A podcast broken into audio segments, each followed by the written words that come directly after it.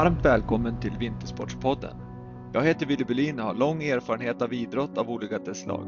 Jag har varit aktiv på alpin landslagsnivå och varit ledare inom idrott på såväl föreningsnivå som förbundsnivå. I min nuvarande roll som ledare i det privata näringslivet kan jag använda mycket av den erfarenhet jag fick inom idrotten. Detta avsnitt är i samarbete med Brooks, eller The Running Company som grundades 1914 och är helt fokuserade på löpning. Med sin slogan Run Happy har Brooks som mål att inspirera alla att springa sin egen väg till ett bättre liv.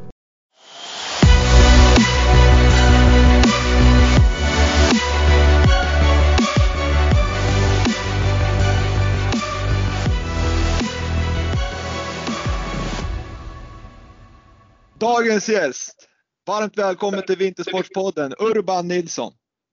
Tack så hemskt mycket Wille.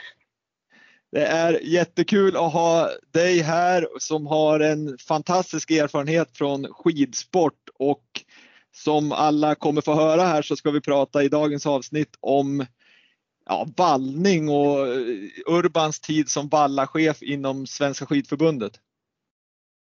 Men innan vi går in på Urban som person så ska jag bara dra en kort bakgrund om honom. Och Urban är född och uppvuxen i Boden, bor numera i Karlstad tillsammans med sin familj. Han är utbildad brandman. Han har jobbat åtta år som vallachef inom Svenska skidförbundet. Han har varit på fyra VM, två OS och tagit 42 medaljer på dessa mästerskap. Till det så har han en herrans massa pallplatser på världscupen som jag tror både jag och Urban inte kan räkna till. Numera så jobbar han inom eh, handskbranschen inom eh, Lillsport och Granqvist med utveckling av både sporthandskar och brandhandskar. Och eh, samtidigt som det jobbet så har han även varit och hjälpt skicrosslandslaget med vallning och även långloppslaget Lager 157. Vad säger man om den presentationen Urban Nilsson? Nej, men det var väl en, eh, en härlig, bra presentation om, om hur mitt liv är just nu och lite grann vad jag har pysslat med.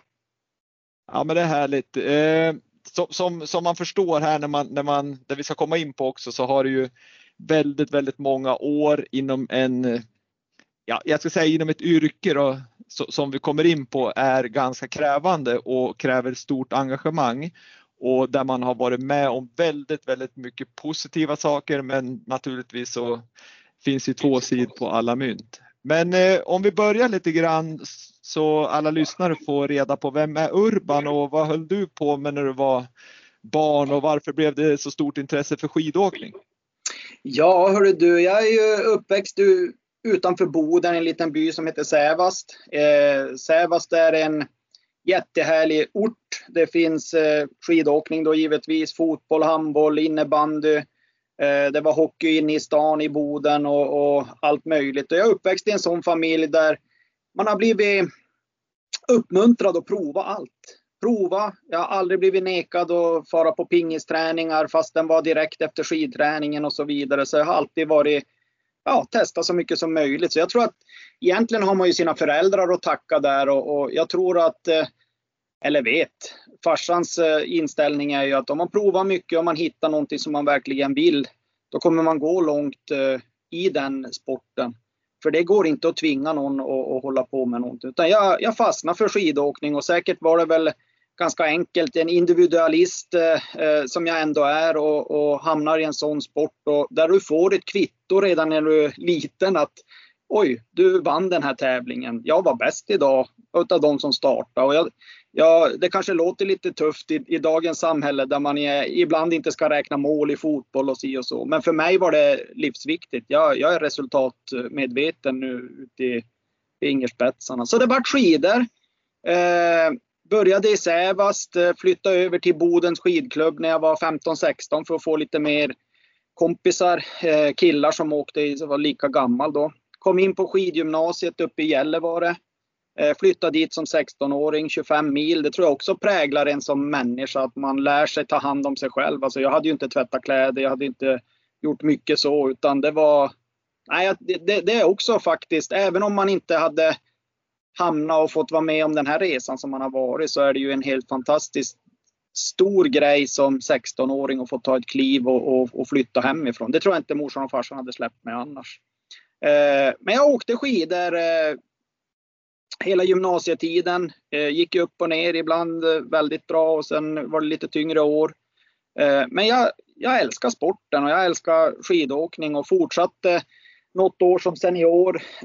Försökte hanka mig runt och, och ja, hur, hur ska man leva på sin sport?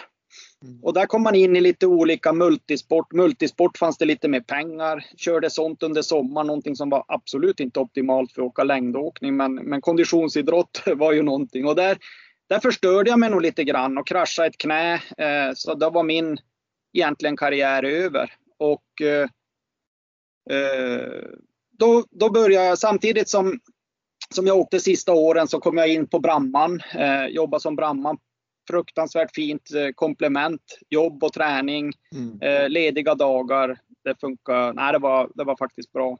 Men eh, många Men då var du kvar uppe i, då jobbade du som brandman uppe i Gällivare? Då jobbade jag som brandman uppe i Gällivare. Och, Eh, när man flyttar så där också som ung kille så fick man ju lära sig att ta hand om sitt eget material och, och skidorna. Och jag hade lite kompisar som var i, i branschen och hjälpte. Ja, då när jag sa att jag slutade så tog det ganska kort stund så hade jag något samtal om jag skulle hjälpa till på racing och service i Sverige på juniorsidan och jobba åt Rossignol och jobba åt något vallamärke och lite sånt där. Eh, på den vägen var det. Eh, jag kom in och var och hjälpte till lite testpilot och, och, och det åt skidförbundet eh, under Larrys tid. Och eh, ja, tiden går ju fort. 07 07 var första året jag var säsongsanställd som vallare då. I, ja, jag kommer ihåg, eller rättare sagt en fråga där bara innan, innan vi kom in på det. Det är ju, det, det är ju man står ju egentligen som, som aktiv så, så går vissa och, och tar liksom en, en, civil karriär om jag säger så och, och, blir som du blev brandman och så eller börjar man jobba på bank eller börjar man jobba på mm. något annat, mm. vad, vad, man nu än gör eller pluggar eller så vidare. Men, men ehm, men det är ju ofta om jag säger en aktiv går och blir tränare.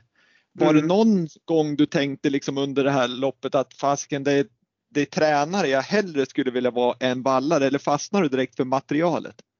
Nej, egentligen inte utan jag efter min skidgymnasiekarriär där så var jag kanske ett år och satsade. Sen har jag jobbat på skidgymnasiet som tränare ett år. Och eh, Lite grann stod jag där. Eh, det var ett fantastiskt jobb. Jag hade, jag fått, hade jag gjort om resan kanske jag hade hamnat som tränare. Det, det är mycket möjligt. Men eh, jag fick eh, ja, men som en sån här eh, utvecklingsanställning eller någonting sånt och så sen jobba lite längre eh, där. Och det är helt fantastiskt att jobba med teknik, jobba med ungdomar som, som blir bättre. Men jag var inte färdig skidåkare. Och då tycker jag att jag var inte fair om jag skulle fortsätta jobba på skidgymnasiet samtidigt som jag skulle träna själv. Det tycker inte jag var okej. Okay, utan då tycker jag det är bättre att jag jobbar som brandman och, och satsar stenhårt på mitt mm. eget. För det var några som gjorde några liknande grejer som inte jag tyckte var okej okay när jag var när jag var, ja, gick själv på skolan. Eh, I Gällivare hade vi väl inte så, men rykte gick lite grann och då tänkte jag dit ska inte jag hamna själv utan jag kan komma tillbaka och bli tränare. Men tiden går och eh, jag tror det var en liten slump att man, att man hamnade in som, som vallare då med att hjälpa de här fabrikanterna och det var ju lite lockande med, med roligt med nytt material och vara med i utveckling och den biten. Mm. Och på det sättet så kom man in i, i skidförbundet och det är det högsta du kan komma i, i materialväg och, och den. Så att eh, intresset har ju varit där.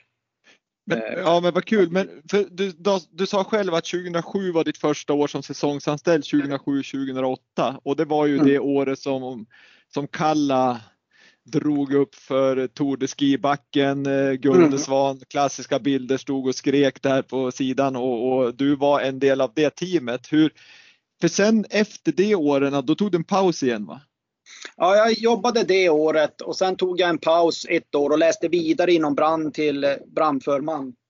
Och eh, vad heter det? Ja, eh, samtidigt så hjälpte jag eh, Emil Jönsson lite grann fast jag gick eh, brandskolan där. Eh, mm. För jag jobbade ju med han och eh, ja, funkade jättebra. Det, det blir ju lite sådär när man, men personkemin funkar bra mellan vallare och eh, åkare så kände man ju ett litet svek när man hoppade tillbaka och gick. Men, men det var min chans om man skulle fortsätta. Man står ju på två ben. Ska jag fortsätta inom räddningstjänsten så vill jag ju gå vidare där också. Då var man ju ganska nöjd med att man redan hade varit brandman x antal år.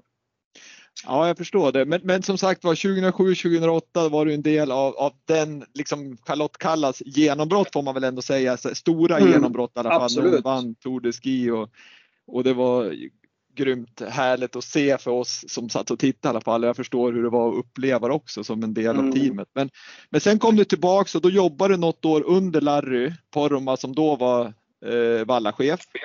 Ja, precis. Och sen eh, 2012 då fick du rollen som vallachef.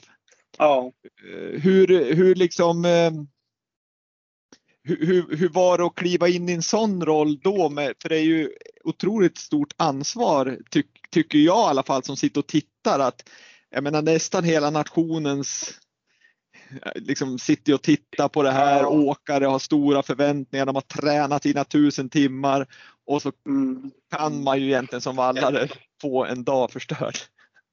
Hur var det att kliva in där i det teamet? Absolut. Nej, men jag, eh, jag fick frågan egentligen. Det var ju eh, Ulf Karlsson, den gamla förbundskaptenen i friidrott som var inne i en liten ajour och han eh, gjorde lite förändringar i skidförbundet och, och eh, han kom till mig och så sa han att jag tror att du skulle passa som, eh, som vallachef, ta hand om den här gruppen. Eh, och först när det kom frågan tänkte jag nej, det här, det här är jag nog inte mogen för exakt som du säger. Eh, men gick hem och smälte det där och tänkte att vad, vad kan gå fel egentligen? Man, så länge man gör sitt bästa och man har en grupp eh, med trygga människor runt omkring sig. Och eh, jag frågade runt lite grann och kände att jag hade ett förtroende hos eh, flera utav vallarna. Och då tänkte jag att då, då finns det en lösning, då kommer det här kunna bli bra. Eh, så jag tackade ja och eh, jag tror ändå att det hade varit nyttigt att jag var inne där 07 och gjorde lite annat 08 och hoppade in igen. För det var en resa som hände med alla som var i skidförbundet egentligen. Längd. När jag började så var vi fem vallare. Vi körde minibussar runt hela Europa och, och in och ut med grejer och byggde upp vallabodar. Tills vi fick lastbil och, och vi tog nästa steg och, och, man kände att det här kan ju bli helt fantastiskt. Mm. Ja, det, var ju där resan, det var ju hela den där resan där med egentligen när Gunde och Sares jobbade där och man fick eh, Vallalastbilen där och, och, och, som jag tycker i alla fall, det var ju där liksom, det, det hände ju någonting då. Sares, Johan Sares som var längdchef, han brukar ju skämta om, om just det där med att även snorslängarna, alltså längdsporten flyttade in på Stureplan lite grann. Att, att det blev lite grann så, men, eh, men man får inte glömma heller att vi hade ju en grym eh, grym person som sålde in sporten och jag tror att det, jag tror, det kom in väldigt mycket mer pengar som gjorde att det gick att, att öppna sådana vägar. För man är ju en tävlingsmänniska också. Då tänker man att hur ska vi kunna bli, alltså ska jag göra det här, då ska vi vara bäst i världen. Jag ska inte ha någon, något annat vallateam som har, har bättre än vad, vad vi har. Och det vart en liten tävling mellan Norge och Sverige och jag fick många gånger frågan att är det har ni de resurserna vi behöver? Och jag tyckte vi hade det utan att räkna kronor och ören. Eh, så kanske Norge har haft större budget om man säger så. Men det är inte det det egentligen handlar om. Utan vi hade den, den förutsättningen vi hade för att vara världens bästa vallateam som jag tyckte vi fick ihop under några år. Mm. Var det, när du började, var det då ni körde även ett projekt tillsammans med skidskytte och Svenska Olympiska Kommittén? Eh, ja. Det Valla-projektet man gjorde för att utveckla, ta nästa steg, var det i samband med du kom in? Där? Ja, men det kan man säga. Det, det projektet började egentligen 2010 efter Vancouver och eh, då började jag som materialansvarig. Då var jag ju heltidsanställd på skidförbundet.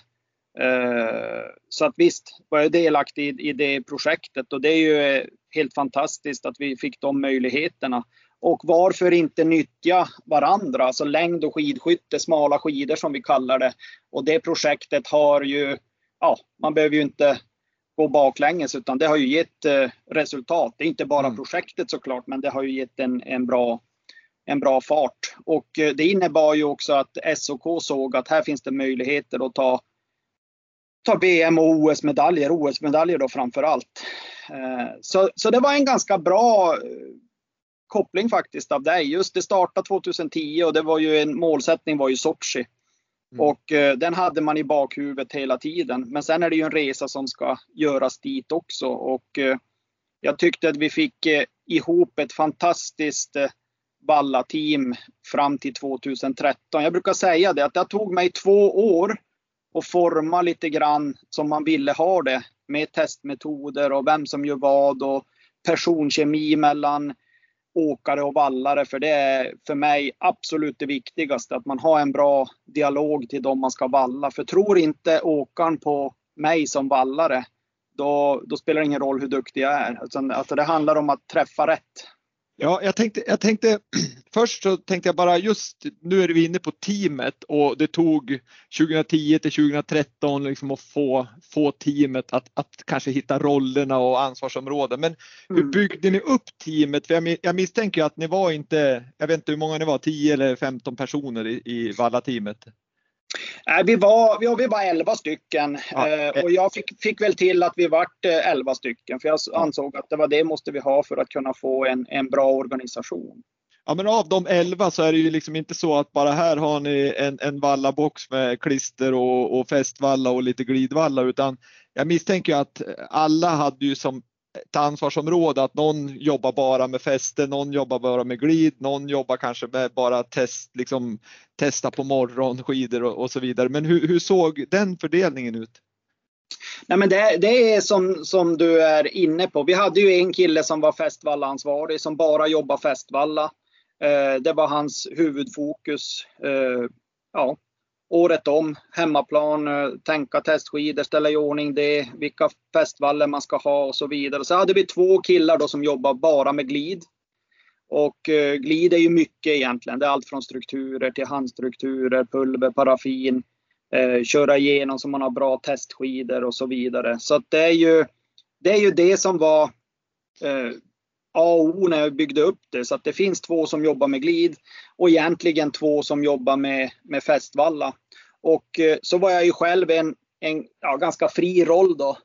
Eh, och då de andra var renodlade vallare som var, hade connecting med, med vissa åkare. Så man gjorde upp att man hade två till tre åkare eh, var. Eh, och eh, man skötte den eh, kontakten rakt av egentligen och skötte om deras skidor, pratade mycket med deras skidmärken, eh, ja, var delaktig i utplockning av skidor. Och eh, det låter kanske ganska enkelt att man säger att två stycken jobbar med glid och två stycken jobbar med fäste. Men jag var ganska noga med att vi måste ha en rotation i gruppen så att även den här som är vallare så att man verkligen litar på att de här två glidgrabbarna har gjort eh, det de kan och det finns ingenting som kan vara bättre idag. Så ibland så flyttar vi lite grann så att man kommer runt så att man får en trygghet och lita på varandra i gruppen. Mm. För annars blir det lätt sagt, oh de där glidgrabbarna de gör bara det här och de där fäste gör bara det där. Eh, så man var delaktig i testmetoderna, kanske inte tävlingsdagen men dagen innan, eh, efter loppen, eh, när vi hade testveckor och, och sånt. Så att då var man inne och körde med varandra. Så det varit en jäkla bra harmoni. Men Tillit. Den som var, de som jobbar med fester då, det var de som ansvarade för att ta fram dagens liksom, recept och sen vallarna mm. gjorde som de sa då? Ja, i stort sett eh, var det ju så. Men där också så handlar det ju om att man, man kan ju inte stänga någon kompetens som man har i lastbilen. Så innan varje tävling på morgon eh, hade vi ett möte. Nu ser det ut så här. Vi hade varit ute på spåret och tittat. Det är grovkornigt eller nysnö eller någonting sånt och erfarenheter så hade vi, är det någon som vill ha med någonting i själva testet? Ja, men jag tror på den här. Det var med i Oberstdorf 08. Eh, då vet jag att vi hade bra på den där vallan eller om vi gjorde si och så. Bra, då är det ett test. Och sen ibland så vart det ju för många förslag så får man ju mm. selektera. Men det var ju den här Festvalla-killen som la på det på skidorna, som var ute och testade och resultatet kom fram. Så det, det tror jag också var ganska viktigt att man fick en ja, men alla fick säga sitt. Mm. Eh, och att man litade på varandra. Och eh, det är egentligen det mest fantastiska resultatet i, i ja, men som jag sa, det tog två år. 2013 när vi kom till VM var jag ganska trygg i att det här, nu har vi ett bra gäng, vi har bra testpiloter. Eh, vi kommer kunna leverera bra. Men, men eh, normalt sett då, det, det, det, kan vara start på eftermiddagen, men, men många gånger är det ju en start klockan 10 liksom. Mm. När ni då samlar ert gäng så är ju inte det klockan halv nio utan när, när drog ni igång den verksamheten för att kunna hinna valla igenom allting, ni ska testa allting mm. och, och, och, kanske behöva göra förändringar? När... Ja, pre ja, precis. Förändringar kan man ju behöva, men, men vi var ju ett tryggt gäng och det jag såg eh, Eh, är att eh, gick vi för tidigt till Vallaboden så att man var som klar med sin uppgift och det vart ett stiltje, då går man ner i varv.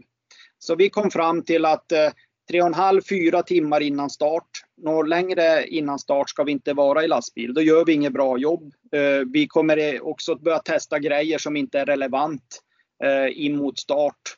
Så att vi byggde upp egentligen ett system där, eh, där de här glidgrabbarna började testa ungefär en, en och en halv timme innan start. Då började de testa vilka vallor som skulle användas. Och eh, åkarna kommer en och en halv, en och, en och en kvart innan start. Kommer till sin vallare, testar fyra par skidor och eh, då hade de jobbat två och två innan vallarna och kommit fram till lite grann. Så när de testar skidorna, då testar man skidorna på ett vanligt, bara syntetiskt paraffin för att få fram vilken skida som egentligen är bäst för dagen. Samtidigt som de här glidgrabbarna håller på att testa fram bästa paraffinet, bästa pulvret, bästa toppningen. Så när de kom in, eh, kommer in då efter skidtestet med de aktiva så ropas det i radion det här paraffinet ska ni valla med, den här pulvret ska ni valla med, den här toppningen ska vi använda. Och 15 minuter innan start så kom toppning eller handstruktur in och så sprang man till start. Eh, så men, det är men eh, då är det alltså den här första testet då, det var egentligen bara, då testade ni egentligen bara ett par rena skidor för att få se vilka, alltså strukturen, vilken struktur går bäst? Nej, strukturerna det hade vi testat innan åkarna kommer så att man vet att det är den här strukturen som är bäst. Eh, och åkarna har ju jättemycket skidor, det är inte frågan om den, det sitter inte fast. Men eh, det finns ju lite olika konstruktioner fast man har samma struktur. Och man åker på lite olika sätt så att de hittar den bästa skidan för den åkaren och bästa skidan för det underlaget. Och eh, därför så testar vi alltid på ett syntetiskt paraffin. Det blir större skillnader hade vi vallat alla med pulver, toppningar och allting, då hade det varit ganska små skillnader och väldigt lätt att göra bort sig. Eh, så att det var en det var en väg som vi gick, men det gäller ju verkligen att man är synkade allihopen. Pratar man inte samma språk, då blir det ju någonstans fel i maskineriet. Och det är den enda risken som jag alltid hade, levde med mig, att funkar alla stegen, är det någonstans det inte är, då får ju givetvis jag kliva in och säga så här måste vi göra, annars kommer vi ju inte till start med bra skidor till alla. Men sen mitt, mitt eh, mål också, det var att alla som hade landslagsdräkten på sig skulle ha samma förutsättningar. Vi ska ha lika bra skidor. Du ska inte låna par två av någon som är bäst i teamet, utan den som kommer dit ska kunna vinna loppet om man är, eh, har dagen helt enkelt. Mm. Hur, hur, om man då går på just med skidorna där så man har ju läst i tidningar också att ja, nu eh, har jag kommit upp med så här, jag tror det var Jens Burman som sa det nu att eh, nu äntligen får jag bra skidor. Men hur liksom, hur, hur, hur mycket är det så att skidtillverkarna, är det så att de ger här är de bästa skidorna, det får den som är rankad nummer ett och här är de eh, liksom andra sorteringen, det får den som är rankad 15. Nej, det funkar faktiskt inte riktigt så, utan man åker ju till fabrikerna och eh, vi testar ju väldigt mycket skidor under sommaren och man får fram vilka serier eller när de är tillverkade och olika konstruktioner, när de är bra. Och sen åker man ner dit och så plockar man skidor för Ja, men vi säger så här att eh, Daniel Rickardsson var lite längre och större och Jens Burman då, om vi jämför, han är lite mindre. De kan inte åka på riktigt samma typ av skidor. Så där måste man ju kolla lite grann. Men sen har ju vi i Sverige alltid varit lite bortskämda. Vi har haft väldigt bra åkare och vi är nog ganska aktade när man kommer till, till en fabrik där de hjälper oss att få fram så bra material som möjligt. Vilket märke det ännu är spelar nog ingen roll. Men däremot så visst är det ju fördel om man har något jäkligt bra åkare på, i, i landslaget. Eh, helt klart är det ju så. Men, men det, det skiljer sig åt ganska mycket från, från den alpina verksamheten som, som jag har varit väldigt aktiv i. Där mm. är det ju till mångt och mycket, det finns även där så kallad poolservice eller förbundsservice där förbundet liksom anordnar det med hjälp av olika skidmärken. Men, ja. men i, i, stort sett så kan man ju säga att där är det ju skidmärkena som, som anställer eh, servicemän och servicemännen åker med sina två åkare som åker på det här skidmärket. Och mm. skillnaden mm. inom längd och det är ju att där är det ju förbundet som har har de här eh, vallarna och ni ansvarar för att oavsett om man åker på eh, skidmärke A, B eller C så, så är det ni som liksom fixar det här. Absolut. Vad, ser du en fördel med det? Ja, men det gör jag faktiskt. Speciellt när vi har jobbat i ett stort lag. Det, är ju en, eh, det kan vara en nackdel för de som jobbar i små lag som inte har samma resurser. För vi kan ju driva utvecklingen vi är mycket folk, vi har mycket pengar då om man säger så. Vi kan ha testverksamhet under sommaren i skidtunnlar eller på glaciärer och där kommer ju alltid de här skidtillverkarna med oss och är med och testar så att vi kan ju vara med och styr, styra lite grann. Så vi har ju veta när det kommer nya vi säger belag eller sådana här saker. Men sen handlar ju det här också om att man ska ha en, en jäkligt bra relation med alla tillverkare. Det var nästa grej som jag tog till mig under, för många säger, jaha men nu är säsongen över, vad gör du som vallare egentligen? Då börjar ju mitt jobb som vallarchef. Ja, det, det tyckte jag var absolut den viktigaste. Jag får hälsa på alla vallafabrikanter, satt med dem och prata om utveckling. Vad kan vi hjälpa med er med? Det här har vi ett stort team, vi kan göra tester åt er. Och i slutändan så visste vi ju att kommer det några nyheter så får vi ju dem först, för de blir beroende av oss då. Så mycket så tänkte jag när jag jobbade. Så jag var mycket till, till fabrikanter, bjöd in dem till oss, hade en ganska transparent ändå fast vi hade våran lilla ska vi säga, hemliga box då på sidan där vi, där vi visste vad som, vad som fungerade. Ja, jag tänker det, det är ju liksom, för det finns nog ingen, oavsett om det är ett skidmärke eller ett vallamärke så har ju de sina resurser naturligtvis för forskning och mm. utveckling. Men ändå så måste ju ni som oavsett om det är Sverige eller Norge då, i det här fallet eller Finland eller vad det nu är då, så, ja, så måste ja. ni ha en väldigt viktig roll i utvecklingen för det finns ju inga som har så mycket praktisk erfarenhet av produkterna som, som ni har. Nej men så är det ju. Och, och hur så mycket det. blir det då som du säger att om vi är dem till möte så kanske vi får nyheten först. Men hur mycket hysch-hysch är det där mellan liksom, man vill ju inte att Norge ska få en bra valla till exempel om, om, om ni kommer fram med någonting? Nej, men det är, det är egentligen så många steg. Alltså visste man, alltså man hjälper ju fram i utveckling och man kommer lite konstiga nummer på en del baller och till slut så säger vi att den där är den där har vi tävlat på, den där har vi fungerat och så ser man sen att den blir kommersiell ut i marknaden. Men, eh, och då kommer ju Norge eller Finland eller vem det nu än är åt de där vallarna också. Men jag tror att det har jag aldrig varit orolig för. Då har man redan varit med i, i processen och vi har ju testat dem ett år längre tid så att vi vet exakt i vilka fören och, och vilka konstellationer de produkterna går bra. Alltså det här tror jag Ville, då får vi prata i Ja, ja, nej. Absolut. Nej, vi, kan, vi, kan, vi kan nörda ner oss hur mycket som helst. Men, men det som jag tycker är, är eh, lite intressant i, när vi är inne just på det här med hysch hysch, man vill ha det bästa själv och så vidare, så har man infört nya regler nu. Där man liksom, tidigare så var det no limit på hur många vallar man var. Men för att liksom begränsa det här och, och liksom även då kanske släppa in de här mindre nationerna och göra dem mer konkurrenskraftiga så har man ju satt en begränsning på hur många vallare man får vara per nation och antal per åkare va? Ja, igen, det är lite sanning med modifikation. Vallare får man vara ganska många, men då får man inte vara på, på, på banan samtidigt. Så då var det ju ännu mer utmanande för en annan som vallarchef där man gjorde slottider. Nu testar du i 40 minuter och du får köra i 20 minuter för du har bara en åkare och den startar då och då och du och du och du.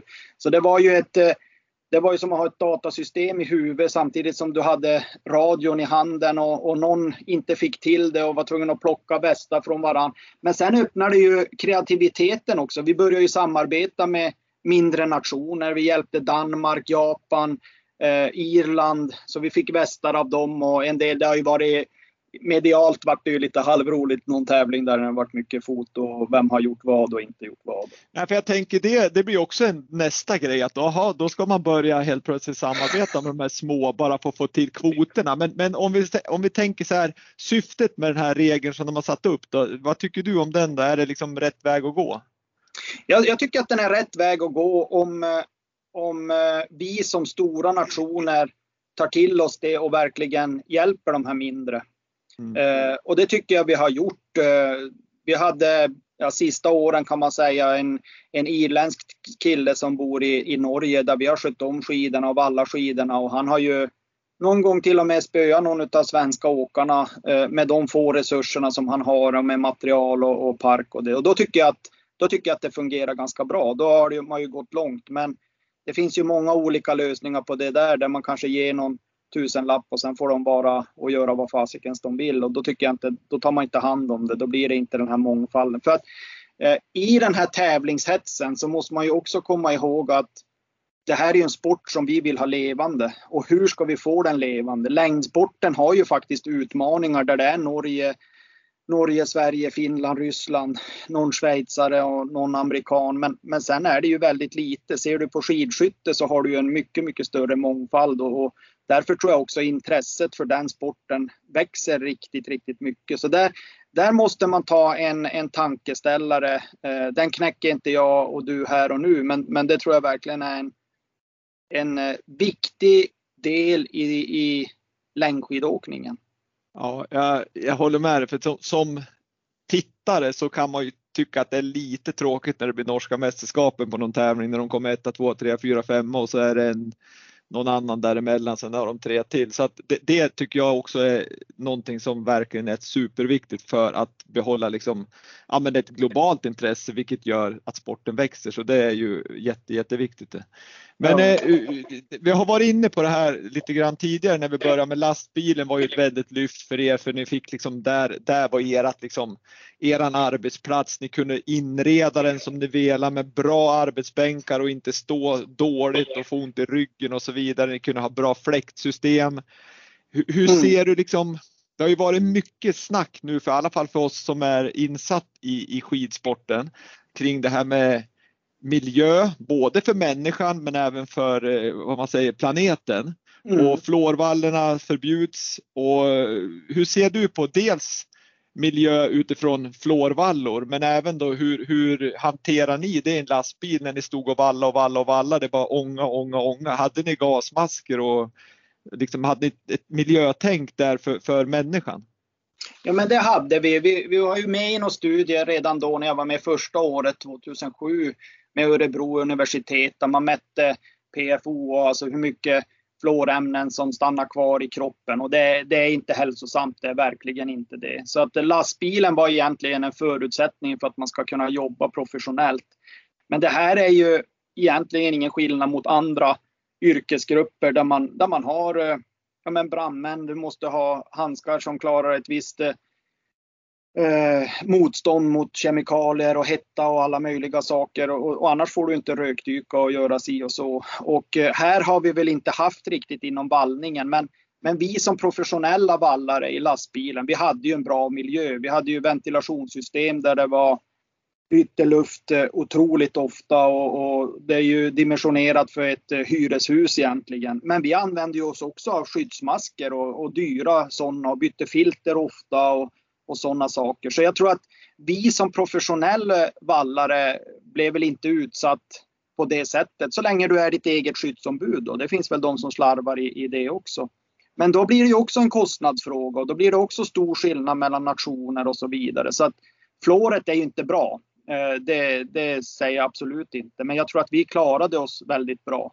Eh, däremot eh, nationella eh, tävlingar eh, in i ett garage. Det var ju som eh, Londondimma när man går in där. Alltså det var ju inte alls roligt och det, det, det är ingen bra miljö att vara i.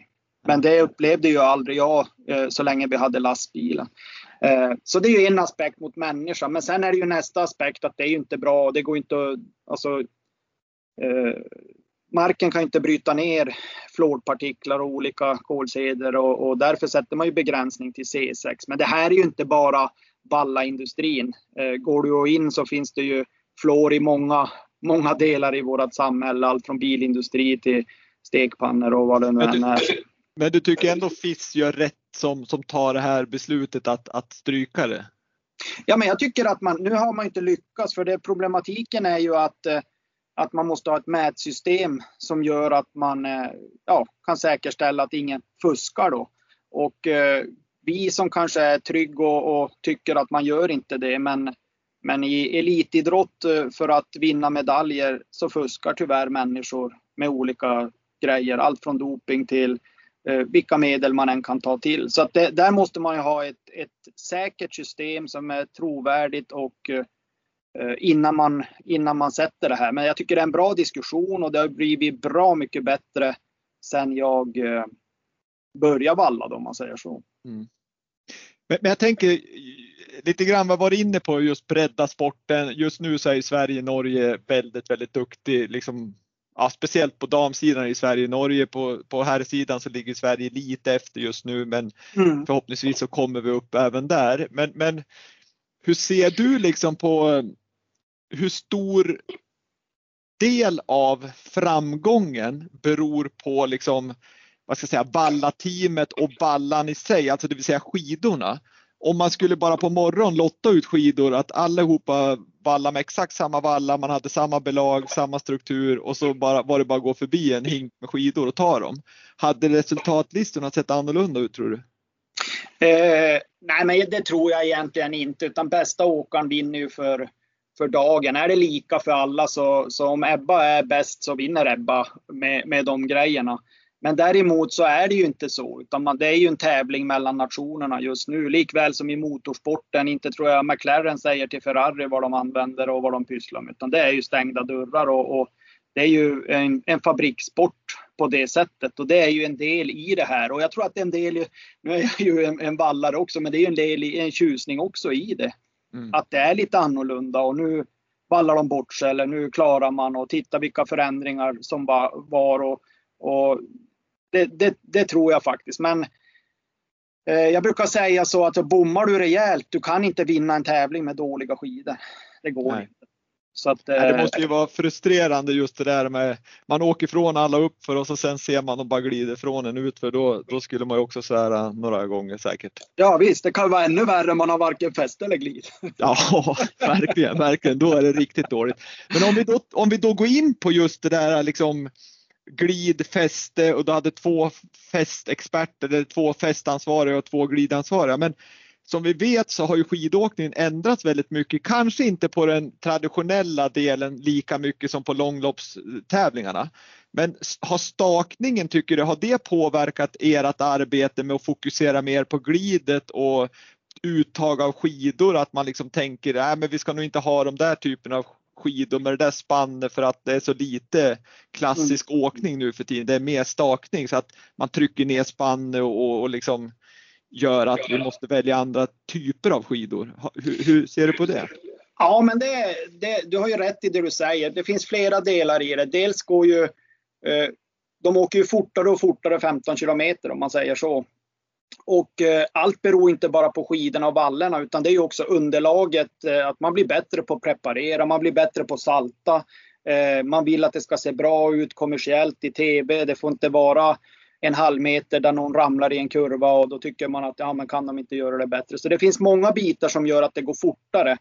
Och med, med det också så blir det ju annan typ av material. Det blir hårdare underlag mot för vad man hade tidigare. Man kanske åkte med skoterdragna spår om man nu går tillbaka mm. så långt. Men, men eh, så det, det, är det ju. Men sen utvecklas ju skidåkningen om man eh, ja, coacher och tränare och man försöker hitta vägar och, och, optimera allting. Alltså att man kan åka fortare på platta partier och, och eh, givetvis fartställningar och allting. Och det har ju, det har ju egentligen, om du tittar, kopplar ihop långlopp och eh, traditionellt åkning så är det ju idag att du kan ju nästan inte vinna ett långlopp med fästvalla under skidorna.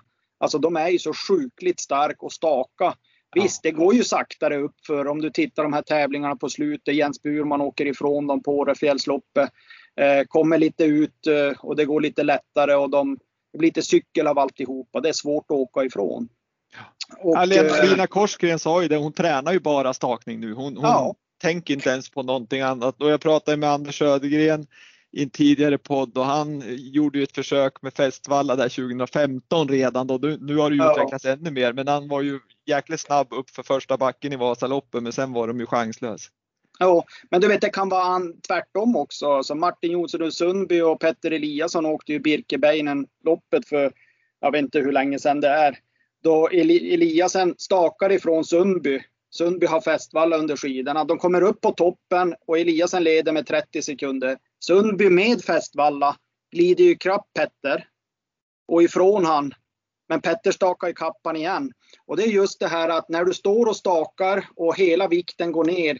Varje gång den går ner så tar ju fästvallan i. Ja. Men när du bara rent står i fartställning, då ska inte fästvallan ta i. Nej, så det. är ju det är just tekniken och den här styrkan som man har i överkroppen. Om du, om du går tillbaka också 15 år, det var ju inte många muskelfibrer på överkroppen på en längdåkare. Nej. Man sprang ju otroligt fort, 10 eh, 000 meter. Det finns säkert de som gör det nu också, men man är inte byggd för att springa som en löpare på det sättet. Så Nej, det, det, just... det går undan. Ja, men det var just det jag tänkte just, även om man i traditionell skidåkning då, även idag, då, då kör man ju liksom diagonalar man ju fortfarande, men det blir väl ja. mer stakning. Är spannet hårdare nu just med vad du säger att i och med att det blir mer stakning så vill man ju undvika att få ner fästvallan eller vallan är tunnare eller kortare eller? Nej, egentligen inte. Utan hittar du den optimala skidan så, så tar det ju inte i när du står i fartställning. Det tar inte, alltså du har en bra framföring. Man känner ju knappt att fästvallan sitter där. Men när du stakar, då tar fästvallan i. Och en del eh, chansar väl åker med lite mindre fästvalla. Eller stak, provar staka långt upp i backarna och springer bredvid lite kläbod. Så att det ändras ju. Tekniken ändras ju, det gör den ju. Och eh, man eh, ja, det gäller ju att vara smart beroende på vilket före det är. Hur mycket fästvalla kan jag, kan jag gå med? För du ska ju gå med så lite som möjligt samtidigt kunna åka relativt avslappnat. Då. Och, och, och, och, är vi inne på det, vi har pratat om det tidigare också, liksom det här med, med, med testpiloter som var ute och testade liksom ut att man, det kanske var fyra skidor. Åkarna kom en timme och en kvart innan start. Mm. Hur stor del eller hur stort ansvar har åkaren i val av par där på slutet? För jag menar, där kan det ju vara att ni har ett par som är lite, lite mer fäste på än det andra. Och så mm. gör man det här valet att äh, men det kändes bra med mer fäste och så sen visar det sig vara helt är det åkarens val till slut? Det är, det är ju åkarens val, men jag tror just där och då, just i tävlingsstunden, så många åkare, de vill inte lägga ner fokus på det. De har fokus på hur de ska ja, ta, och, ta sig an själva banan. En del är nervös innan start. En del är, så det där är ett samspel som man måste ha, som jag sa just innan. Eh, personkemin, vallare, åkare, det är det absolut viktigaste. Där man hittar eh, under träningsläger, så här vill jag att en skida ska vara. Och vallan lär sig att ja, men så här ska, mycket ska jag valla, så här mycket ska jag ha. Och där hade jag också en filosofi att de som är med i vallateamet, de ska också kunna vara med och testa. Valla skidor, det kan farsan göra, det kan morsan göra. Det är ju ett recept, det är som en kokbok. Men just den här känslan att hur mycket ska jag ha på par 938? Hur långt kan jag lägga på det för att Kalle ska tycka att det är bra och så vidare. Den, den går som inte att... Det är ju fingertoppskänsla det. Mm. Men eh, åkaren, man vill ju alltid ha åkare. Det är åkaren som ska tävla, det är åkaren som ska bestämma, det är åkaren som måste tycka till hur mycket skid eller valla vill jag ha på skidan. Eh, den här modellen tycker jag är bra. Men pratar du skate till exempel och Magnus Björk som jobbar med Marcus Hellner som du har haft med här i någon. Mm. Han, han, visste ju att Hellner, han, han kommer välja de här två paren. Det är något av de här två paren och sen är det bara det som är snabbast. Och ibland kunde han ju komma som också lite så här ta bara hit det snabbaste så vinner jag idag. Typ. Han sa han väl inte, men, men man fick ju den känslan. När han ja. var i riktigt bra form, då, då litade han ju hundra på vallarna. Ta den här och så gjorde han fokus på vad han skulle och han presterar ju sjukt bra. Men hade inte Magnus och Marcus jobbat år innan, då hade man ju inte vågat gjort så. Då hade det ju Nej. gått åt pipsvängen. Så det är ju... Men jag tänker just, vi ska prata om relationen till åkarna, men om vi tar ett, ett lopp där, där man tillåter att man gör skidbyten som det är på vissa lopp. Mm, har, mm. Ni, har ni möjligheten då att när loppet har startat att valla om eller måste skidorna ligga där när starten går? Eh, nu, det har ändrats lite regler. Nu måste ju skidorna ligga där. Men under min tid så har vi alltid fått springa och hämta skidor, valla om, byta skidor om vi har velat. Och eh, lite grann det jag sa, det tog två år innan vi hade ett optimalt team. Och 2013 eh, i Val di Fiemme, eh, Johan Olssons helt fantastiska femmil som också visar att vi är ett Valla-team som, som fungerar 100 eh, perfekt. Jag måste faktiskt berätta en liten sån här rolig grej. Vi, vi var där, eh, jag var där vid start och mål och de hade åkt kanske 14-15 kilometer. Johan Olsson hade gått ifrån. Eh, allt såg ju helt perfekt ut. Jag var nöjd, alla var nöjd. Eh, våran mat, eller, medieansvarige Nordvall säger du kan du komma till mixade zonen.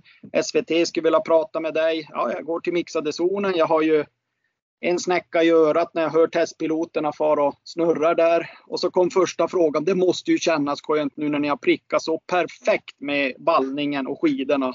Samtidigt så hör jag i örat bara, vi måste byta fästvalla, det funkar inget längre det där. Och jag tänkte bara, oh.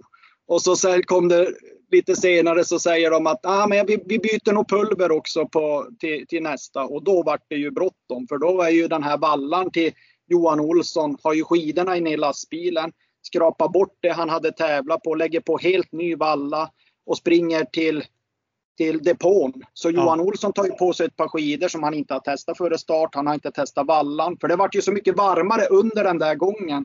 Just. Och eh, det är någonting, så när han kom i mål, Johan Olsson, eh, han har gjort en sjukt fantastisk eh, femmil. Det går ju, ja, man börjar det... grina bara man tänker det.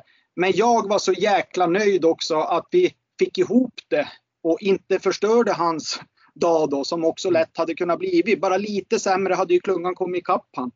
Eh, För, förstod han det här under loppet eller blev det en surprise när han kom i mål? Eller?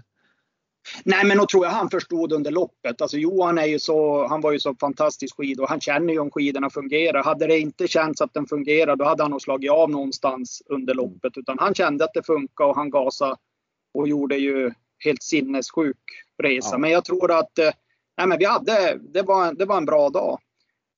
Härligt. Så var det. Mm. Men, men, eh, just det där eh, och, och, då kommer jag till, till en sån här rolig grej som jag tycker är, är liksom ett minne som jag har när jag pratar med någon landslagsåkare som var ute på på eh, världscup och sådär. Och så hade de, det var en, en, eller det finns ju en, en legend som hette Janne Ottosson som har vunnit massa mm. Vasalopp. Han har vunnit OS i stafett och han var en väldigt framgångsrik åkare och han var tränare vet jag på Järpens skidgymnasium och där i Åsarna och, och sådär. Men, men jag minns att den här åkaren sa ju liksom att han var ju testpilot mm. eh, på, på Festvalla och han sa det, det är lite svårt att ha Janne Ottosson som Festvalla-testare eftersom han har aldrig haft dåligt fäste. Han trycker bara i lite hårdare han liksom. Ja, ja, ja, ja, eh, Så frågan är, här måste man ju också som, jag kan tänka mig som testpilot, att man måste ju lite veta hur åkaren har för teknik också liksom, för att kunna säga om det här är, är tillräckligt eller inte tillräckligt. Och det kan vara lite grann så, men, men man går ju efter ett motto att man ska hitta det optimala glidet, optimala fästet. Och när de hittar en fästvalla som de känner att den här är en skala 5 på fäste och 5 i lenhet, det är ju sällan då, men vi säger att de hittar den perfekta. Sen är det ju vallan som vet hur mycket ska jag lägga på den här åkaren för att de ska ha sitt optimala eller det fäste de kräver. En del kräver lite mindre, en del kräver lite mer för att de ska kunna nyttja sin teknik till sitt fullo. Eh, och där är det här samspelet som jag pratade om, det är så otroligt viktigt att, du, att de eh, som vallar åt åkarna förstår vad de har testat där ute, kan ställa en, en eh, dubbelfråga. Checkar det i eller kan det komma i vatten i vallan eller nej, det känns absolut inte så. Du kan använda, du kan vara ja, gå på ganska hårt. Eller, ja, det finns ju många olika termer som man kan prata om. Men det handlar ju om att man pratar samma språk och att man förstår varandra. Och det går ju inte bara för på en tävling och så nu ska vi jobba tillsammans. Utan det är ju någonting man jobbar under en hel säsong eller egentligen under sommaren för att få till att det, att det ska fungera. Och varje gång man byter eller någon slutar på grund av någonting så blir det ju lite så här att man, man måste få dem i, i, i båten och det ska gå lika fort när alla drar allt fullt blås i, i årorna. Ja, det är kommunikation på hög nivå alltså? Absolut, absolut. Men, så det är men, som ett samspel där. Man har ju pratat här att, att, att det är jätteviktigt med relationen till åkarna. Det är, liksom, det är A och O för, för många saker. Men, men jag kan ändå inte låta bli att fråga hur, för jag liksom som tittar på, på, på de flesta tävlingar på TV, jag, jag kan ju känna ändå med er, så fort det går dåligt för åkaren så kommer ju kommentaren i TV att jag hade så jävla dåliga skidor. Mm. Och, och, så Nej, blir det ju gör... i tidningarna direkt så liksom är det ju målat som att ja, vi vallar bort oss. Hur, hur liksom får ni lika mycket det, det, är det jag menar med det måste vara en grym press, dels från svenska folket, från media, från åkarna. Liksom just det här med skidorna och det är så små marginaler mellan succé och fiasko. Hur, ja. hur hanterar ni det och framförallt med åkarna? Hur kommunicerar ni med dem när de har ena sekunden stått och sagt att att det var så jävla kassa skidor och så har ni slitit som fan och så kommer in någon som slänger skidorna i vallaboxen mer eller mindre eller vallalastbilen. Ja, men lite sådär, äh, åkarna måste ju få vara frustrerade. Har inte de kunnat visa hur duktiga de var på grund av att skidorna inte fungerade? det är klart att de får vara frustrerade. De får säga till media och de kan eh, vara öppen med, med det som är. Vi ser ju det långt, långt innan förhoppningsvis media ser att det är dåligt så har ju vi redan sett det. Så, att det, så svaret har vi ju fått. Däremot så vet man ju inte alltid varför eh, fick den här personen, eller det värsta är ju om hela laget har dåliga skidor. Då har vi ju bommat då har vi ju bommat i det här systemet som jag pratade om som vi hade. Eh, men, men där handlar det också om en kommunikation och, och jag ångrar, ångra ska man väl aldrig göra, men jag tror det var 2014 så körde vi ner lastbilen till slottet i Stockholm utanför eh, där, slog upp den och bjöd in all media till en valladag. Där vi visar hur vi gjorde, öppen transparens, eh, hur många steg, lite grann som vi pratar om här. Eh, de fick prova valla lite eget och, och ja, men fick en förståelse. Och då kom det någon av de här eh, mer kända journalisterna som frågade, men Urban varför gör du det här? Ja, men jag gör det här för att ni ska ju skriva, det här är våran sport. Ni ska skriva succé eller fiasko. Det köper jag fullt ut. Men jag vill den dagen det inte går bra, att det står i texten varför gick det inte bra? Och det tror jag inte ni kan få om inte vi har en bra relation till varandra. Så det är min, eh, mitt mål med, med den här dagen. Det är att ni egentligen ska få en mer insyn, skriva mer fakta, komma med mer konkreta eh, grejer. Varför gick det dåligt? För det är ju de här tittarna här hemma som inte får reda på det. Har jag en lite halvdålig dag och inte känner att jag vill ta alla smällar på media, då får ju, får ju folket inte veta någonting alls överhuvudtaget. Och ibland så ville man förklara men man hade inte tid för det är en tävling en timme senare som vi måste fokusera på. Så det, var ju, det var ju så mycket så. Men om man jämför Valla och näringslivet så är det ju som att vi har ju ett bokslut varje tävling. Och bommar du där så då, då är du konkurs eller så, eller så går det jävligt bra. Och det, jag tycker det är lite roligt. Där. Men på den där träffen då var det en kille som sa att men hur, hur vågar du ta på dig ett sånt här jobb? Alltså du blir ju ute, det är ju 1,2 miljoner tv-tittare. Och alla bara, det är ju du som har gjort fel. Jag tänkte på det där eh, en liten stund och så sa jag, men vet du att det beror ju på vilka man har runt omkring sig. Har man en stark grupp, en bra, eh, bra kollegor, då, då är det inte så jättejobbigt. Men har du inga bra kollegor eller det, då, då blir det ju svintufft att stå där och ta smällen. Jag har ingen aning om man vet att de där bak inte heller stöttar en i, i de besluten vi har gjort. Så att eh, det tror jag. Men sen tror jag också man hade en, en väldigt eh, stor nytta av det jobbet man har haft tidigare. Alltså jag jobbade som brandman. När det gick dåligt som brandman så, så dog det tyvärr människor. Och nu pratar vi om sportlek och idrott. Världens mest vältränade människor som misslyckas en dag. Mm, kanske inte är så jäkla farligt egentligen. Nej, och det är ett sunt perspektiv på det för, för det, det, är ju faktiskt så. Många gånger så kan man ju som verkligen se sådana här saker som en katastrof. Men för mig är det också så att katastrof det är när folk dör. Liksom. Mm. Så att det är ju fortfarande bara lek. Det är, så är ja, det faktiskt. Ja. Men, men, i stundens hetta så, så är det ju på något vis lite allvar ändå. Men, men, men Urban, jag måste säga att jag tycker du har en otroligt sund, eh, sund syn på ledarskap och vi pratade innan vi drog igång podden här just om, om din syn på, på ledarskap och chefskap om man ska använda två olika uttryck och, och där du var ganska noggrann med att, att du var ju mer en ledare liksom som, som skulle få det här teamet att, att jobba ihop och, och sådär än att bara gå som en chef och skrika på allihopa. Hur, är, är det liksom en bra bild jag har fått på det av dig? Nej, men det tycker jag absolut och, och namnet. Eh, jag tror jag diskuterade med någon gammal kollega idag också. Alltså namnet om du är chef, det är egentligen inte det, utan vi har ju olika arbetsuppgifter och olika eh, olika ansvarsområden. Och jag tog på mig ett större ansvarsområde än någon annan kollega som hade ett. Och vi är inte, vi är inte gjorda alla för att, att ta på sig ett visst ansvarsområde. Men alla är ju lika viktiga eh, mm. för att det här farkosten ska gå fort framåt. Så den som står längst fram och, och, och, skriker eller om det är den som styr eller om man får alla att dra lite hårdare i, i åren, då tror jag att jag är den där som, som försöker få alla att dra lite hårdare i åren. Och kan jag hjälpa till så gör jag det också. Eh, men sen har man ju olika, ja, som jag berättar, alltså det, och det tror jag, det måste man ju ha. Och jag tror att man måste kunna förklara det också. Vanliga arbetslivet som vi har idag också, att vi har olika arbets, ar, arbetsuppgifter. Men, men om inte det är städat och fräscht när du kommer på jobbet så är det inget roligt att jobba där heller. Så att eh, de är också jätteviktiga. Det, det tror jag många glömmer. Man ser sig själv bara just idag och samhället är ju så. Eh, tyvärr. Och jag misstänker att du hade fullt egentligen tillit till dina festansvariga och glidansvariga, att liksom de fick göra sitt jobb och du beskriver att du hade som en fri roll på mittfältet där du egentligen koordinerade vallning, fäste, glid och, och, och liksom att det skulle logistiken fungera mer under, under tävlingsdagen. Absolut, så ja. var det ju.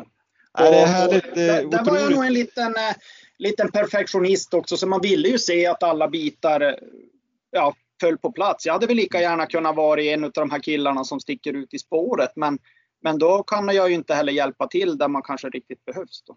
Att, och det är det som är viktigt att, att man som du, har ett ansvarsområde så måste du ju vara där för annars fattas ju den pusselbiten så att säga när det, när det ja. behövs och när det brinner till. Så.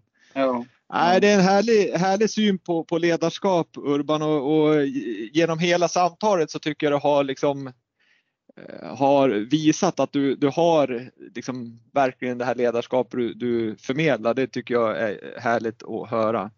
Eh, en sak som jag är intresserad av som jag också så, liksom har pratat lite grann om just när ni skulle bestämma valla på morgonen så fick alla vara, alla fall tycka till om att Nej, men jag tycker vi ska göra ett test på den här vallan också. Men jag menar med den otroliga antal tester ni har gjort. Ni har testat ju olika fören, olika luftfuktigheter, olika strukturer och det är på hög höjd och det är på låg höjd och torr och blöt snö och allt vad det nu är. Eran databas den måste ju för det första vara gigantisk med data så i olika, liksom, hur, vall, hur vilka vallar fungerar i olika situationer. Och den, mm. den måste ju liksom också vara ganska den måste ni vara rädd om om man säger så, för den måste ju många vara intresserade av. Nej, men det är klart att det är så, men sen är det ju också att ingen, ingen ort och ingen plats och ingen snö är egentligen den, densamma. Eh, men, men visst drar man ju erfarenheter av det och man skriver upp allting, varenda test, eh, om, man har, om den har gått en halv eh, promille bättre så vet man om det. Men man måste ändå alltid ha det här öppna sinnet och eh, testa x antal produkter. Däremot så tror jag ju att eh, man är alltid ganska nära sanningen utan att göra tester överhuvudtaget om man bara följer databanken. Men jag tror inte att det bara är det, utan det är ett mervärde att det syns att man gör något, att man testar och att man kanske gör mer än alla andra eh, och så vidare. Där tror jag att vi har kommit in i ganska bra roll eh, där jag har hjälpt till lite grann nu med, med skikross och alpint och en helt annan värld. Där, eh, där det känns som att vi har kommit med, med nya grejer, ett mervärde för, för de åkarna och eh, säkerställer egentligen kvalitetssäkra vad man, vad man pysslar med. Det är ju det det handlar om även vallning. Man måste ha ett, eh, kvalitetssäkra. Man har sex par skidor. Eh, har man mer än, än sex par så det, kan man kalla det lite för statistik eh, och så vidare. Så det är många sådana här grejer som, som inte är en slump utan man har verkligen tänkt på varför gör vi det och varför har man sex par och inte fyra par eller ja och så vidare. Mm. Det handlar ju om tid också då såklart. Mm. Nej, men det, men det måste ändå vara liksom bra att nu veta att nu ska vi till eh, Valdefjämme det är minus två, det är den här luftfuktigheten, då borde det ändå vara en styrka att kunna gå tillbaka i den här databasen och veta att här, då hade vi det här, då var det succé. Då vet man ju lite grann vart man ska börja i alla fall. Ja men så är det och man måste ju tänka steget längre. Vi kan ju analysera med, med eh, meteorologen. Eh, vad är det för väder det brukar vara i februari i Sochi till exempel när vi var där? Ja, det kommer snöa mycket, där runt nollan. Det är blöt snö, exakt som vi har på våren uppe i, i svenska fjällen. Så vi, jag matar ju upp med lastbil och allting upp till riksgränsen. Där låg vi ju veckovis och testade och väntade på de här förhållandena då det slår om från kallt till varmt och det snöar fast det är plusgrader ute och sådana här saker. Så vi, man, man försöker ju bygga upp en bild att hur kommer det vara i Peking nu nästa år? Hur har det varit i Sochi? Hur är det i i Pyeongchang och så vidare. Så att man, man, eh, man lämnar det ju egentligen inte åt slumpen. Så det är mycket, mycket timmar i, i ja, backstage som ingen egentligen förstår. Då. Och, och eh, det är ju så, ett, ett, en OS-medalj är ju fantastiskt mycket värt både för våra nation och, och, för åkarna framför allt som, som är där och för oss som team. Och, och det är ju kommersiell idrott faktiskt. Det är det. Ja, ja, verkligen. Mm. Så är det. Hörru du, nu har vi egentligen bara två frågor kvar som, som, eh, som är förmodligen ganska enkelt för dig att besvara eh, innan vi ska göra bokslut för den här poddavsnittet. men men eh, jag skulle vilja veta, vad är, vad är ditt finaste minne från, från tiden som av alla chefsägare under de där åtta åren? Och jag har fått den där frågan så jäkla många gånger och den, det brukar vara olika svar nästan efter varje fråga för det finns så fantastiskt mycket starka minnen. Men, men om jag tänker det första riktigt starka, det var ju givetvis Johan Olssons den där fantastiska 50 kilometer, för han gör någonting som ingen har gjort tidigare och det tycker jag är roligt att ha fått vara med om. Men eh, som lag så tycker jag ju OS i Sochi när vi vinner stafett både på dam och herr då visar vi att vi är världens bästa landslag. Vi är världens bästa vallateam. Vi är världens bästa tränarteam. Vi fungerar 100% tillsammans. Det är, det är sjukt starkt. Och sen måste jag också säga att eh, 2019 när vi var i Seefeld när, när vi fick vinna damstafetten och, och sprintstafett och, och, det var helt fantastiskt. Jag tyckte vi gjorde sjukt bra resultat där och vi var lite, ja, vi kom lite underifrån och fick eh, fick köra där. Det, det, det är starka minnen och just 2019 ja, när vi gör en sån där helhetssäsong som var väldigt, väldigt bra. Det, det är jag stolt över. Det är minnen som, som ingen kan ta bort. Men eh, frågar du mig imorgon så får du ett annat svar. ja, men det, nu, nu kör vi här och nu.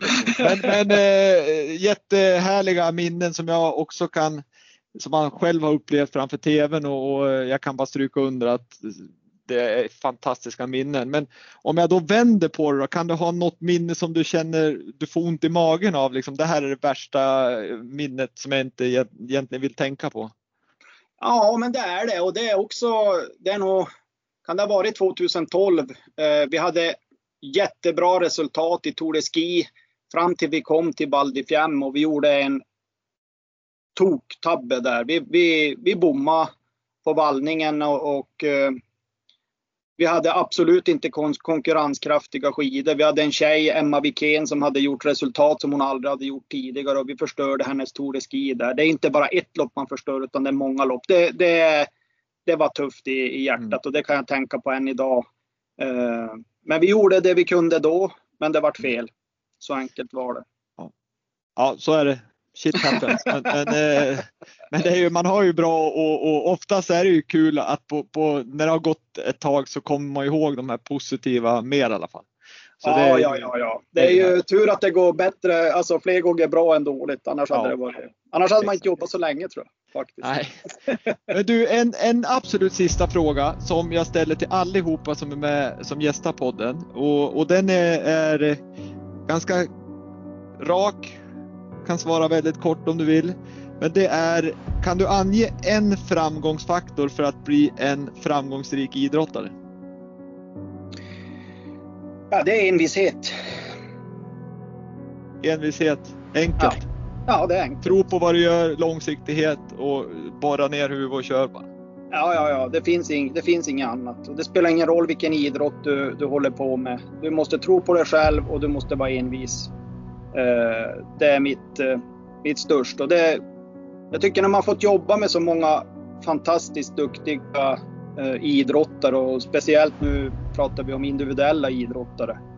Man tycker att alla är lite egen eller lite så, men de är envis, de är tjurskalliga. De har eh, någonstans i sitt huvud har de ett mål. Eh, de säger det sällan, men de är ju envis och de slutar inte förrän det målet är uppnått. Kloka ord från en klok man.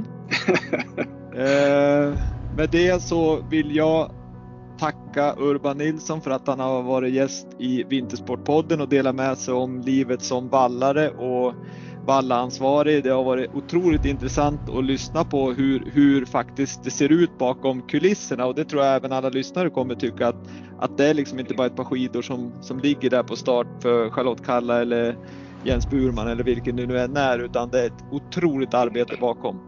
Eh, med det sagt så önskar jag dig Urban stort lycka till med ditt arbete att utveckla handskar eh, och även ut, eh, lycka till med, med de uppdrag du har på sidan om eh, långloppsteamen eh, och kanske även på skicross och alpint. Tack så hemskt mycket. Det var kul att få prata och ett fantastisk eh, podd. Härligt. Tack ska mm. du ha och kör hårt. Vi kör hårt. Jajamän. Hej. Ha det. Hej. Hej.